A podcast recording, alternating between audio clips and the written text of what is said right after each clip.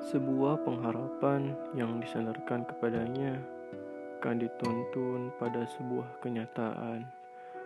Kegelapan yang saling berlomba menyelimuti semesta tak akan pernah lenyap jika kita tak berbuat hanya untuknya.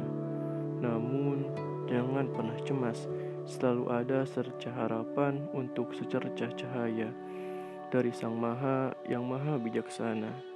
Ia yang tak akan pernah diam melihat kegelapan menyelimuti semestanya. Tinggal mari kita bersiap berbuat untuknya demi semesta yang terang benderang. Maka secercah cahaya akan bersinar karena sebuah pengharapan yang hanya disandarkan kepada dirinya.